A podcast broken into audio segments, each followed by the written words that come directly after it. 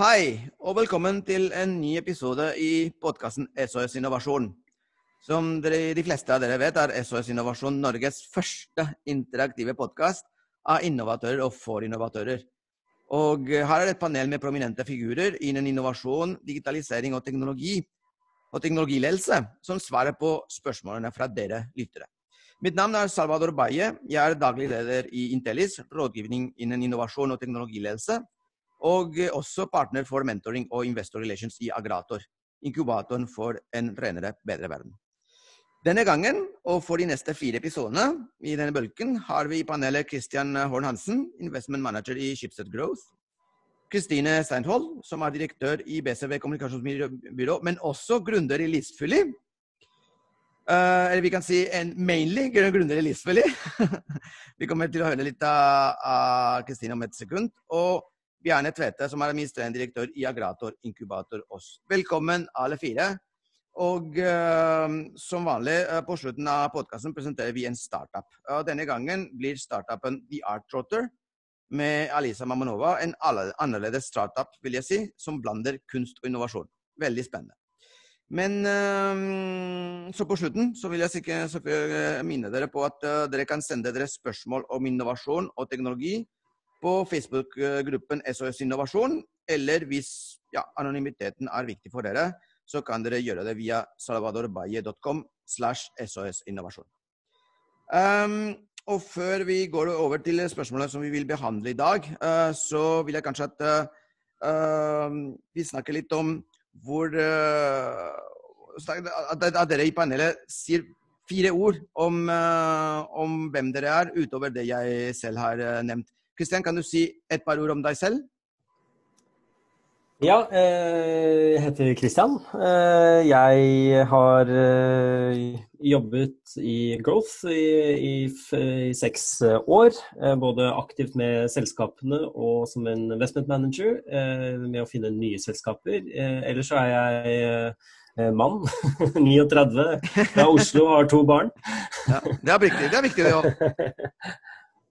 Kjempefint. Um, Ja, jeg er, eh, ja, jeg er gründer i Listfully, uh, som er en uh, retail tech-selskap. Um, før jeg startet gründerreiseren min, så har jeg bakgrunn fra PR-bransjen. Uh, byråsiden både i USA, hvor jeg kommer fra, og i Norge, hvor jeg har jobbet mye med teknologi og helsekunder. Ja. Um, og så, Bjarne, kan du si noen ord om deg òg? Ja, jeg har bakgrunn som, eh, som, eh, tek, som teknisk bakgrunn, med bachelor og, og, master i informatikk. Og en, eh, så er jeg også forretningsmessig fra MBA og jobbet som gründer. Og siste jobben før den jobben i Agrator nå, så jobbet jeg ti år med kommersialisering av forskningsbasert teknologi i Inventor. Ja, kjempebra. Altså, altså, Supersterkt panel. Det er, det, er, det er veldig hyggelig å ha dere i dag, altså. Um, men du, um, vi kan bare gå over til eh, spørsmålene med en gang. Uh, de spørsmål som, uh, som uh, lyttere og ja, folk som følger meg både på Facebook-gruppen og og på min webside, har stilt. Og de to spørsmålene som vi kommer til å stille, er hvordan kan man organisere innovasjonsprosjekter på en effektiv måte? Det var, det var den første. Ikke, ikke dårlig. Eh, og det andre er bør man ha en dedikert partneravdeling for å akselerere innovasjon. Og Da vil jeg selvfølgelig starte med den første. og eh, Når det kommer til å organisere innovasjonsprosjekter, hvordan kan man organisere innovasjonsprosjekter på en effektiv måte? Eh, kanskje hadde Jeg har lyst til å, til å høre det fra Christian først, siden du, du Christian, jobber med så mange, så mange startups samtidig. Um, og du har sett uh, sikkert uh, mye uh, og har mye erfaring rundt hva som fungerer og kanskje ikke så fungerer så bra. Ja, um, det, det, er jo et veldig stort spørsmål. Først det er et veldig bredt spørsmål. men jeg tror jo um, jeg tror jo liksom, Startups er jo egentlig en veldig god, et godt bilde på hvordan å løse innovasjonsprosjekter, eh, i hvert fall etter min erfaring. Eh, for jeg tror at eh, startups er veldig flinke til å snu seg rundt, eh, komme raskt ut i markedet med et produkt. Skjønne betydningen av å teste produktet underveis. Betydningen av å kunne bruke data f.eks. For, for å kunne å ta, ta, gode beslutninger som gjør at man igjen itererer. Så jeg tror at det å jeg, jeg tror at man man eh, gjør seg selv en tjeneste når man strukturerer eh, for å kunne lære mye, eh, lære mye av, å, av, å, teste i markedet. Eh, en annen ting er jo at vi har sett at det å ha at, at, de ansatte har eierskap til en innovasjonsprosess er ekstremt viktig. Um, der, uh, Hva mener du med det? Nei, men jeg tror at uh, veldig mange veldig, Man tenker på innovasjon som noe Ja, vi skal alle tenke rundt innovasjon, men, men jeg tror at gode selskaper, det gjelder både startups og, og, og større selskaper, de strukturerer seg dit hen hvor det er en, en gruppe mennesker som på en måte har både insentiver og et eierskap til Eh, til å tenke, tenke nytt eh, rundt egen, eh, sitt eget produkt. Ehm, I VG f.eks., da jeg jobbet der, så, så er det slik at når man strukturerte opp for å gjøre uh, nysatsinger, så organiserte man alltid, det gjelder både VG Nett, VG Mobil en gang, så strukturerte man alltid egentlig som en liten startup. Hvor alle Man bygget liksom sin egen kultur, sin egen, uh, sine egne insentiver. Man hadde sin egen utvikling. altså Alle var på en måte jobbet sammen som et lite team i å, uh, i å jobbe med innovasjon og utvikling. Og Det, det viste seg å være en veldig suksess for dem, istedenfor at uh, det blir på en måte noe overordnet som uh, alle skal, skal tenke på. Ja. Ok, Veldig bra. Men um, Bjarne, vi kan gå over til deg. Så jeg har deg på, på høyresida etter, etter Christian på skjermen min. min um, Bjarne, er, er, du enig med Kristian? Er, er, du noe, hva er din erfaring? Du har, du har, jobbet i Invento fra før, så du har masse erfaring med, med selskap som uh, er uh, ja, uh, up and coming. Og, og de er, ja, hvordan, hvordan, er det med å organisere i små grupper en god idé, eller fungerer det? Fungerer det når man, når man f.eks. må forlate Når ideen forlater den lille gruppen og skal over til uh, en større organisasjon, hvordan fungerer det? Hva, hva syns du, du om det? Nei, det er jo, Kristian var jo inne på veldig mye som var, er viktig der, og som deler, deler veldig mye av de erfaringene. Eh, det, ene er jo, er jo, det at man, man, setter sammen et team som sitter fysisk tett, helst i hvert fall fysisk tett på hverandre. Ja. eller, på, eller på videomøter nesten hele tiden. Eh, og, og, og tester, ikke sant det, det, er veldig viktig. Så det at man, man organiserer det i egne grupper eller, eller prosjekter. Og, så, og det, det, er det veldig mange som er, som, som er inne på, hvis du begynner å, å prate med folk og, og, lese litt. Det som Kristian også var inne på, som jeg ikke, som jeg ikke kan Som jeg ikke tror man kan underdrive betydningen av, er det at innovasjon er, må være en del av målsettingene til de som gjør det hvis, hvis, man har at det blir venstrehåndsarbeid, at du skal gjøre alt det du gjør i dag, og at det ikke er del av businessen og hver enkelt sine målsettinger, så er eh, sjansen til å få det til mye mindre. Men når du sier målsettingen, altså mener du uh, at de som er i den lille gruppa uh, med, med, innovatører, at de må bli målt på det, eller resten av organisasjonen må bli målt på på hva som kommer ut av den gruppa. Det, var, det, det, det er den handoveren som jeg er, litt, er veldig interessert i. Ja, altså, jeg, jeg, tror vel egentlig ja til alt. Altså, først så tror jeg det at det, hvis du starter helt på toppen, da, og du kjenner jo meg, jeg liker å, å starte på toppen. Ja. Så, det man skal oppnå, bør være innenfor et, en, en visjon, en strategi og eller et satsingsområde som bedriften ønsker å gjøre det bedre på. Okay. Det, det, det, er det første. fordi eh, da, da, da får du attention på en, en, helt annen måte, og det er flere som vil ønske at man, man lykkes.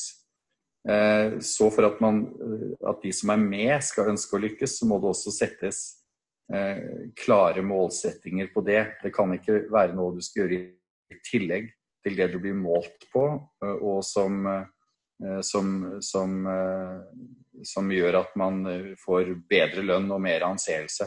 Du, en del av, av, av, dine kriterier, kriteriene som er med i innovasjonsprosjektet, må knyttes opp mot at, at, det, at det, lykkes. Det må være, må være interesse rundt det. Ok. Um, tusen takk, Bjarne. Um, Kristin, du er uh, fersk lunder. Um, samtidig som du har erfaring fra ja, det som jeg kunne si er veldig, veldig um, kreativ bransje. PR og, og markedsføring. Um, har du en take eh, rundt uh, dette temaet?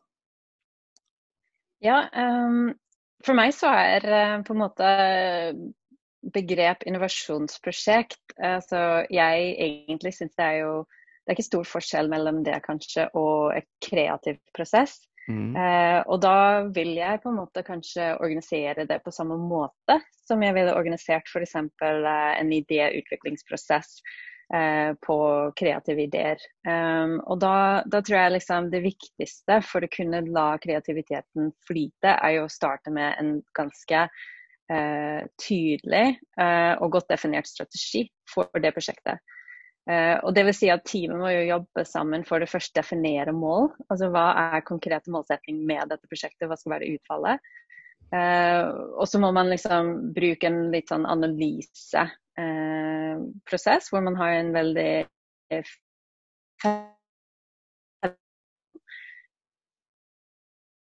må man definere grep. Og det hørtes veldig kort ut. Unnskyld, Kristin. Ja, unnskyld, Kristin. Ja. Vi gjør dette gjennom Zoom uh, pga. de tidene ja. vi, uh, vi, er i. Og så hørte jeg ikke helt hva du sa, hva du sa sist.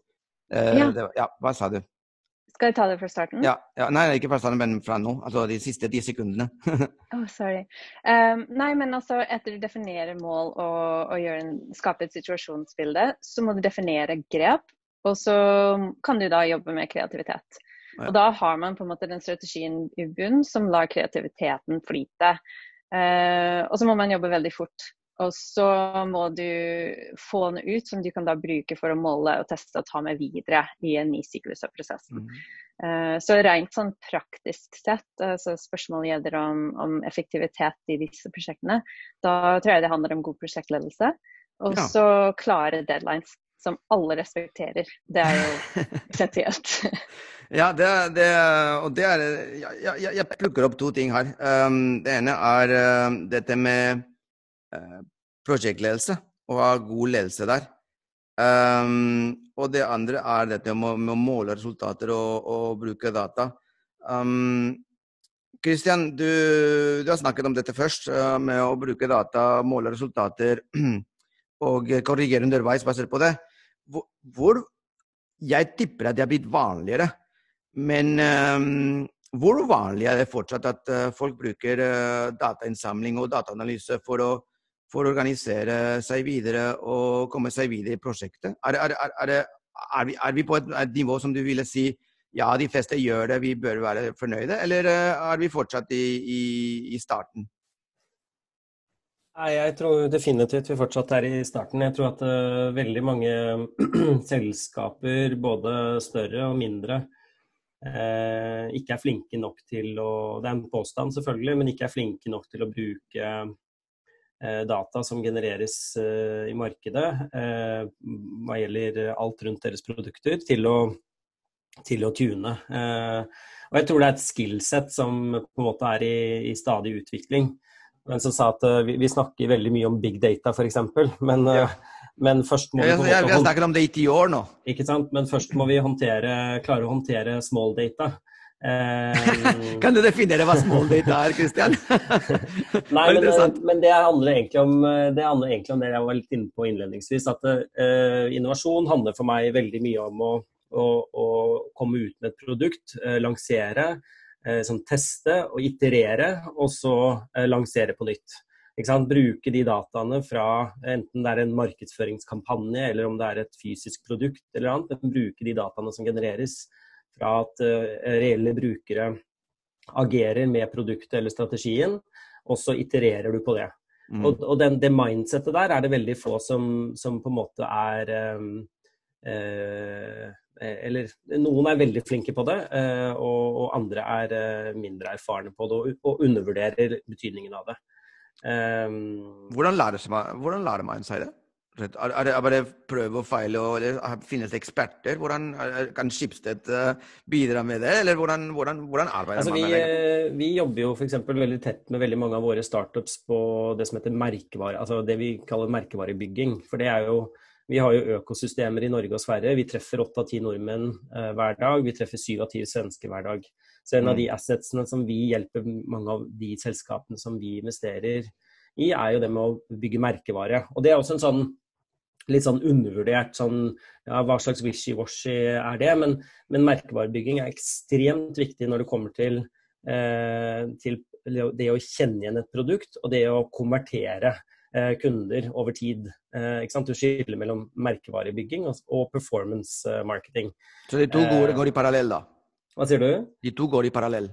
Ja, de, utvilsomt. Det ene bygger det andre. Eh, og Derfor så er det veldig veldig viktig å liksom vite hva er det du skal kommunisere til hvem, og bygge eh, strukturert på det over tid. Og det handler om å teste. Det handler om å teste ulike budskap, eh, handler om å teste ulike kampanjer.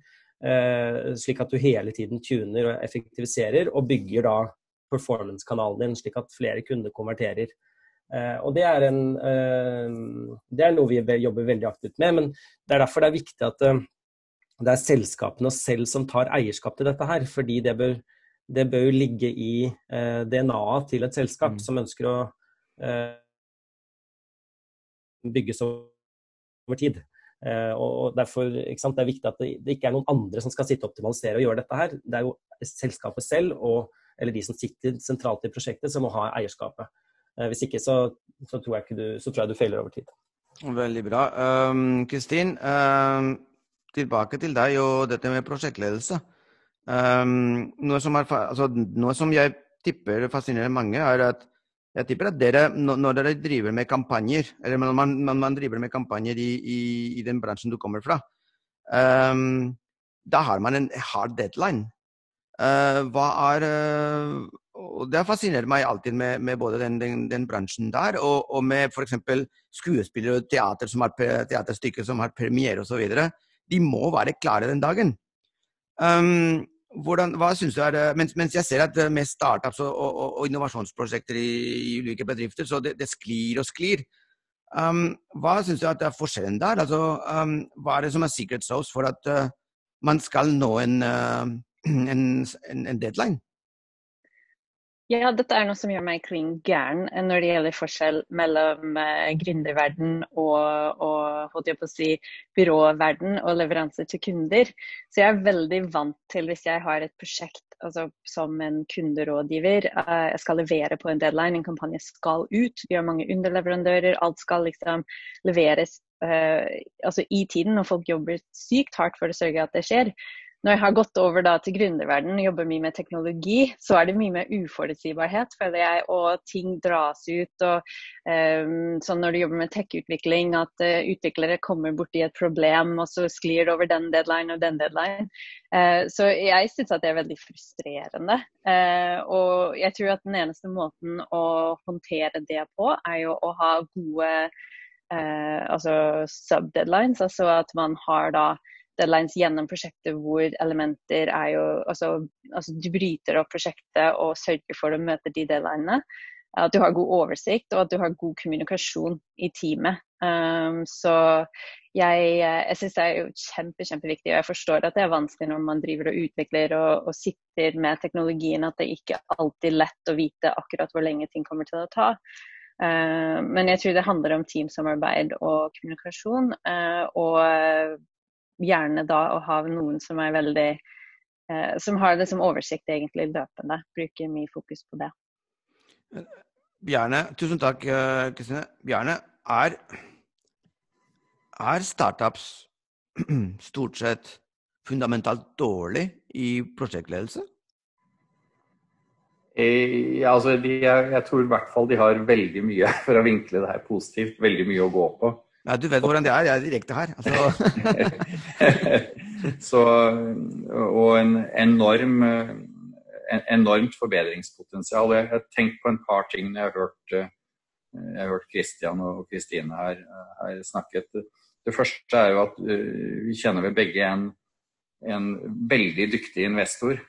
Som han sier det så Han sa, sa det vel så uh, brutalt at han sier at de som har verdens beste idé, uh, som de har funnet på selv, ikke sant? og ikke vært ute og testet hos kunder, Eh, de, eh, sånne selskaper investerer han ikke i. Han investerer i de som er lidenskapelig opptatt av å være ute hos kundene og forstå de, eh, mm. og, og, og, og tilpasse produktene det. Og, det som er med Lean, og, det som man har begynt med nå, er jo det er en mer sånn universell forståelse av at det er veldig mye billigere å gjøre det før Helst før du har etablert selskapet. Mm. Eh, så, så du, du, du, det er jo ikke for sent å bruke Lean etterpå. Men du kan komme veldig langt før, eh, før, før du i hele tatt etablerer selskapet og drar på deg eh, masse kostnader. Og da, og da er prosjektledelse egentlig en fundamental skill? Ja, og, og så, så, det neste, da. ikke sant? Det, det, det, det, er jo en del av det. Og det går også inn på det som, som snakker om data. For du, du, har jo en metodikk da, hvor, du, hvor du faktisk tester hvor, uh, hvor, bra, uh, altså, hvor bra treffer det budskapet. Og, og, og, har du snakket med ti stykker og, og fem stykker syns det er kanskje en god idé, så, så, så, sier jo metodikken at da må du tilbake. ikke sant? Ja. mye høyere når du bare pratet med ti. Kanskje på på åtte og helst ni eller ti før du går videre med neste, uh, i neste, neste runde. Uh, og, og, så er det også det med, som Kristine her var, var, inne på, at, uh, at, de som jobber med, med teknikk, ikke sant de, de, er ikke like flinke til å, å, å følge deadliner som, som, man er i, i den bransjen, hun har konsulentbransjen, mm. hvor du har eksterne kunder. Og, og, og, der tror jeg det er veldig mye å gå på. Fordi Eh, som ingeniør så tror jeg man har som, man har som Altså man tenker jo Psykologisk tenker vel vi mennesker at det er det vi jobber med som er komplekst. Eh, det er det, og det må være bra og helst perfekt. Og det, det andre tingene med salg og sånn, det kan nesten hvem som helst gjøre. Det er mye lettere. Men det er ikke sant. Og, og tilsvarende så tenker vel de som bare er finansfolk sånn de tenker at teknikken det løser seg selv, og finans og sånn det er vanskelig. Så, så, det er vel flere av oss som, som tenker sånn. Men, men, det det der jeg tror det fører til, er det at uh, man, man, holder på med et produkt og bli sittende, og, og tradisjonelt i hvert fall også bli sittende altfor mye alene og prøver å optimalisere hva man selv tror er viktigst og best. Mm. Istedenfor å organisere det og da tenke lean Eh, og også når det gjelder eh, altså, type hardware-utviklingen, at du, du, har en leveranse på et tidspunkt. Og da mål, uansett eh, hvordan det er da, så, så, har du et sett med målekriterier og testkriterier og ser hvor bra eller hvor dårlig det er. Mm. Ja. Og, og, og, helst også teste ikke sant, med, at de, de er med, med eksterne. Da kommer du mye lenger, tror jeg. Kjempefint. Um, kjempespennende. Tusen takk for uh, svarene. Um, jeg ser at det blir, det blir mye engasjement her, og, og, tiden går. Men jeg vil allikevel uh, komme meg over til neste spørsmål. og det er at uh, Bør man ha en dedikert partneravdeling for å akselerere innovasjon? Um, og har Bjarne, tilbake til deg. da. du har jobbet mye med partnere. Um, et, eh, både nå uh, som uh, i Agrator, men også på, um, på Invento. Det, dette med partnere, finne partnere, uh, partnere og, og, og, ta den kunnskapen som kommer fra Universitetet i Oslo f.eks. Og, og kunne kommersialisere det i den store verden, det har du gjort mange ganger. Hva, du har jobbet store, i store og små bedrifter. men er, er, det en god idé å ha en, en, en, avdeling som er helt dedikert til å ha kontakt med partnerne? Eller skal man overlate til, eh, til innovasjonsgruppa eller til, eh, til en person i, i, hver eneste, i, hver eneste, gruppe? Team? Um, altså, partneravdelinger og bygd opp det, det, det har vel mest erfaring med nå fra, fra, Agrator, så der skal jeg ikke skryte på meg veldig mye erfaring. Men, men hvis, du, hvis, du, snakker om, uh, om, avtaler som en bedrift inngår med samarbeidspartnere, tenk, tenker på det, så, så, har du jo to ytterpunkter. Enten så, så flyr det, så, så, tar hver avdelingsleder eller hver ansvarlig å finne på og tar inngår en avtale selv. Eh, eller så har du eh, veldig sterke sant, eh, føringer og, og, egne folk som, som gjør alt, alt sånn. Og, og, faren med den, den, første, at hver enkelt Fordelen er med det er jo at da går det fort. Faren er at da blir det kanskje noe som, som man ikke tenker på der og da, den, den som sitter med det. Man lærer ikke av tidligere erfaringer, mener du? Nei, nei og, og, spesielt da fra, eh, fra forrige jobben min, så var det jo en del ting rundt på sykehus og universiteter som man så at det var avdelingsledere eller noen ansvarlige eh, i, et forskningsmiljø som skulle inngå innovasjonskontrakter. Og det, det var vel ikke Det gikk vel ikke alltid Det var vel ikke alltid optimalt, for å si det sånn. Da, da kunne man ha hitt bort eller glemt eh, sant, en, en, del ting som, som, var veldig viktig i et, et, innovasjonsprosjekt. Uh, så, så, så, jeg vil si at som minimum så ville jeg hatt én person eller avdeling eller noen med kompetanse som man kan, kan ta kontakt med. Eller jeg, jeg tror vel også at man skal ta kontakt med. Ikke bare kan. Så, ja. så det, men for da får du beholdt det i hvert fall og, og kvaliteten. Unnskyld, uh, det, det, gikk litt uh, dårlig med nettet. Du sa at da får man i hvert fall be, beholde historikken og, og, og, kvaliteten, ikke sant? Ja, ja du, får, du, får, du, får, mulighet til å inngå avtalene uh, nesten like kjapt som du hadde alt ansvar selv, kanskje ja. kjappere og du får opp kvaliteten vesentlig. Veldig bra. Kristian, eh, hva gjør dere i Schibsted? Eller i Schibsted Growth? Uh, ja, nei, vi, altså, vi, har ikke noen uh, dedikert uh, partneravdeling sånn sett. altså, hvis vi ser på liksom, hvis vi ser på Schibsted Growth, da, så er det jo slik at vi, vi vi er jo på en måte en partner i å akselerere eh, og fasilitere for en del av, av arbeidet i startupsene. Mm. Men jeg kommer litt tilbake til dette med eierskap, at eierskapet må alltid sitte hos selskapet selv. Mm. Eh, vi kan kun være en, eh, som, en støtte. Eh, og, og, og, på en måte en, en sparringspartner, og, og, være med på prosessene eh, som, som, akkurat det. Eh, men liksom selve læringen og utviklingen må på en måte selskapene selv eh, stå for. Mm. Men, eh, og, og det, det, handler igjen om dette med eierskap, ikke sant. Og det er derfor jeg stresser det så, så mye. at det, liksom, det, gjelder også for en større, større, bedrift. Altså de som på en måte har um, eierskap til å utvikle. Eh, det er jo også de som har insentivene for å, for å gjøre det. Hvis det blir på en måte en sideavdeling som skal måles litt på å gjøre innovasjon i mange ulike prosjekter, så mm. har jeg, jeg, vet ikke, jeg, har, jeg har litt mindre tro på det, da, etter min erfaring. Ja, jeg gjør min, min, erfaring også, men um, Ja, Kristin. Uh, um, hvis jeg forstår det riktig, Listfylly skal være en slags uh, Amazon Wish uh, for alle som ikke er Amazon. Um, det innebærer selvfølgelig at dere skal ha mange ulike partnere. Hvordan har dere tenkt å, å, å håndtere den, de partner, det partnerskapet? Altså de ulike partnere. Skal dere ha en, en avdeling? Skal hver prosjektleder for, for en, en, eller produktmanager har sin egen, uh, sin egen metodikk? Hva har dere tenkt å gjøre der? Altså, vi har um, per nå uh, et baseprodukt som er egentlig veldig Den er utrolig skalerbart.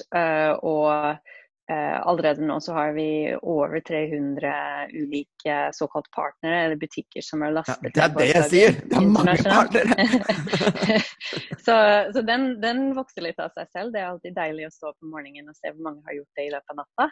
Uh, men vi også skal gå inn i en prosess, um, forhåpentligvis ikke om så lenge, hvor vi da skal videreutvikle det produktet eh, mot mer sånn enterprise og høyere nivå eh, kunder, hvor vi da utvikler nye features osv. som tilpasser deres behov og en høyere eh, price point, da, selvfølgelig. Um, og da liksom Ja, det hadde vært absolutt fantastisk å vite, særlig innenfor retail, eh, hvem er det man kan henvende seg til eh, i forhold hvis man er keen på partnerskap. Eh, som vi alle vet, så er tid kanskje best dyrebar ressurs for mange startups. Det jeg har hørt da, av noen, er jo at uh, ofte i store selskap så, så, kan det være litt som å finne en unicorn. Du må jo finne den personen i bedriften som brenner for, og kanskje også har ansvar for partnerskap. Um, og jeg tror at ja, det hadde vært klart fint om det var lettere å finne frem til disse menneskene. Eh, så de som har partneravdeling og kan profesjonalisere det forholdet og prosessen og kommunikasjon, eh, det hadde vært supert. Eh, også, men jeg håper at det går an å finne noen gode partnere man kan jobbe tett sammen med for å utvikle produktet. så klart. Mm. Da vil jeg tilbake til eierskap, da, som Kristian sa?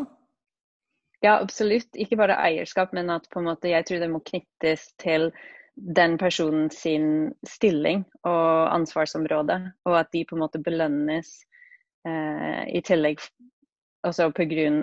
at de har gode partnerskap og utvikler med startups. Det er jo høy risiko, ikke sant. Så, ja, ja. så det må jo også være en del av uh, hva den personen sin, sitt mål skal være i jobben sin. Ja, eierskap og, og reward, er, eh, eller insentiver, er, eh, det er, egentlig utrolig viktig, også etter min erfaring. Um, ok, kjempefint. Uh, vi har gått selvfølgelig litt over tiden, men uh, jeg vil si tusen takk for uh, denne episoden. Det var utrolig, utrolig lærerikt. Um, og jeg, vi ses ved neste episode igjen.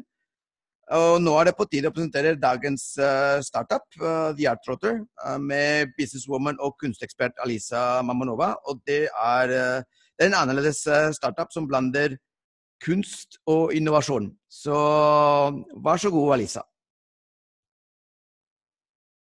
Hei, Salvador, og tusen, tusen takk for invitasjonen til podkasten din. My pleasure, Alisa. I dag har jeg lyst til å snakke om kunst. Kunst? Eh, som du vet, så er jeg kunstkjenner, kunstsamler, og også kunstgrunner. Grunner. Og akkurat som Globetrotters, som reiser verden rundt for å oppleve verdenen, så heter selskapet mitt The Art Trotter hvor vi ønsker å invitere alle til en oppdagelsesferd i kunstverdenen. Og vårt mål i The Art Rotte er å gjøre kunst mer tilgjengelig, forståelig og morsomt for folk flest. Ja, det, og det er veldig bra, fordi vi har snakket noen ganger om dette her. Og jeg, har, jeg f.eks. har veldig lyst til å lære meg kunst. Så det syns jeg er en glimrende idé. Uh, så mange som jeg også kjenner som ønsker å lære, å lære seg mer om kunst. Og rett og slett du finner ikke kilder. Det blir så kjedelig. Ikke sant. Det er veldig hyggelig å høre. Ja. Og med min bakgrunn som nettopp fra finans og strategi, så har jeg erfart at det er veldig mange der ute som ønsker å forstå kunst bedre. Og mine første kunder som ønsket å lære seg mer om kunst, de fortalte meg hva, hvordan de opplevde mangel på kunstkunnskap. Og til tross for at vi i dag blir eksponert for massevis av kunst i sosiale medier, og det dukker opp nye museer og gallerier, så er det faktisk veldig mange der ute som eh, opplever at kunst kan virke eksklusivt, og også lite forståelig når de besøker museer og gallerier f.eks. Og eh, det er også veldig tidskrevende og kan til og med være overveldende å lete etter all informasjon om kunst på egen hånd. Og sist, men ikke minst, så er det faktisk en hel del eh, der ute som sliter med å vite hva som er kunst, og hva som ikke, som ikke er, er kunst. ikke sant? Er dette kunst? ja, det skjer noen ganger. Og, og så vet vi at uh, vi har jo også snakket om det, uh, dette med å dekorere hjemmet sitt med spennende kunst. Mm. Men uh, det er ikke så lett å gjøre det, fordi at man trenger faktisk å utarbeide en kunstsmak som kanskje er vanskelig å bare ha, uten man må lære seg å, hva, hva, man liker og hva man ikke liker. Ok, Så, så den, den, det, det hjelper også å danne din egen smak, på en måte? Ja, det er faktisk akkurat det vi gjør. Vi uh, løser alle disse utfordringene som uh, kunstelskere eller kunstentusiaster kan ha der ute. Og vi utvikler digitale og teknologidrevne løsninger som uh, inviterer flere mennesker til å ta del i kunstverdenen på forskjellige måter.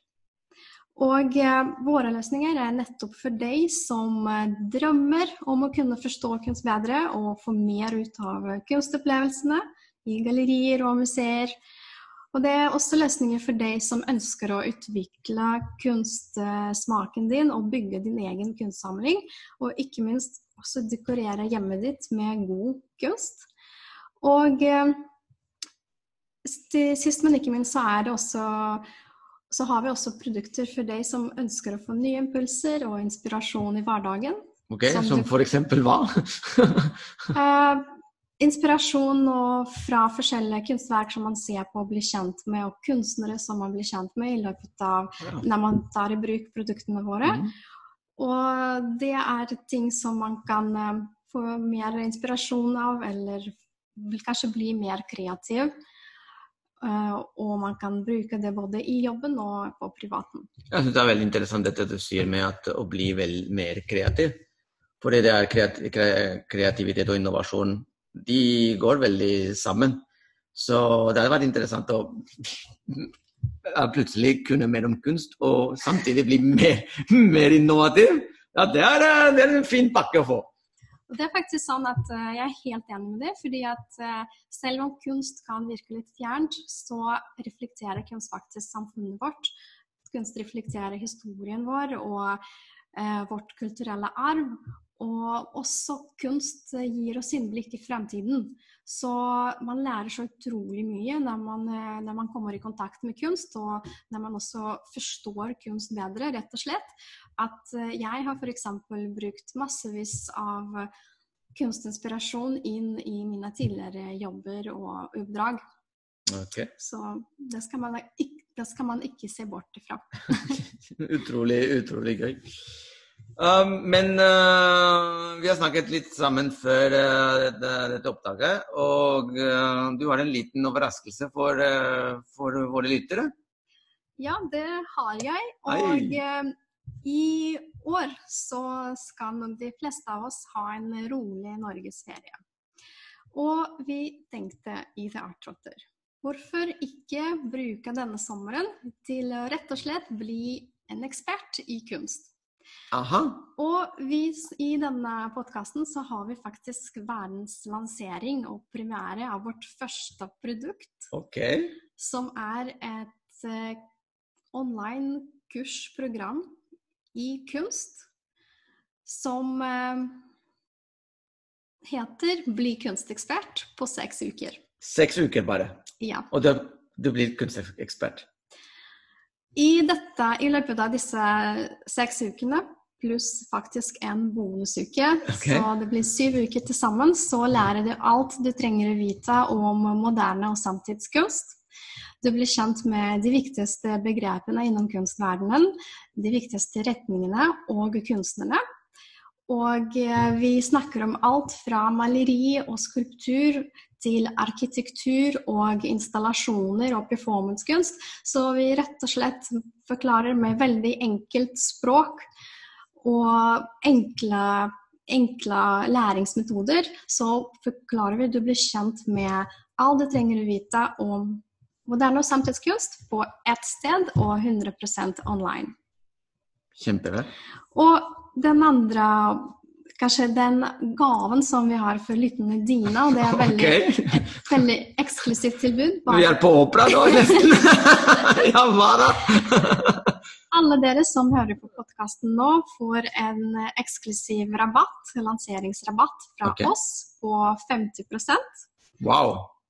Og eh, du kan benytte den rabatten når du skriver eh, ordet innovasjon, gode innovasjon, når du kjøper produktet. Og det er bare å sjekke ut lenken som du får fra Salvador etter podkasten, for å ta i bruk dette tilbudet. Og også hvis du blir nysgjerrig på det vi gjør, og hvis du ønsker å ta en prat med oss og høre om våre andre produkter, fordi det er kun det første produktet som vi lanserer nå. Og så vil vi ta gjerne en prat med deg. Så ta gjerne en prat med deg. Veldig bra. Kjempefint, og tusen takk, eh, Alisa. Ikke minst uh, pga. den fantastiske rabatten som lyttere i SOS Innovasjon får. Og eh, ja, igjen tusen takk, og det har vært, eh, det har vært en glede som vanlig. Vi snakkes. Hyggelig. Takk.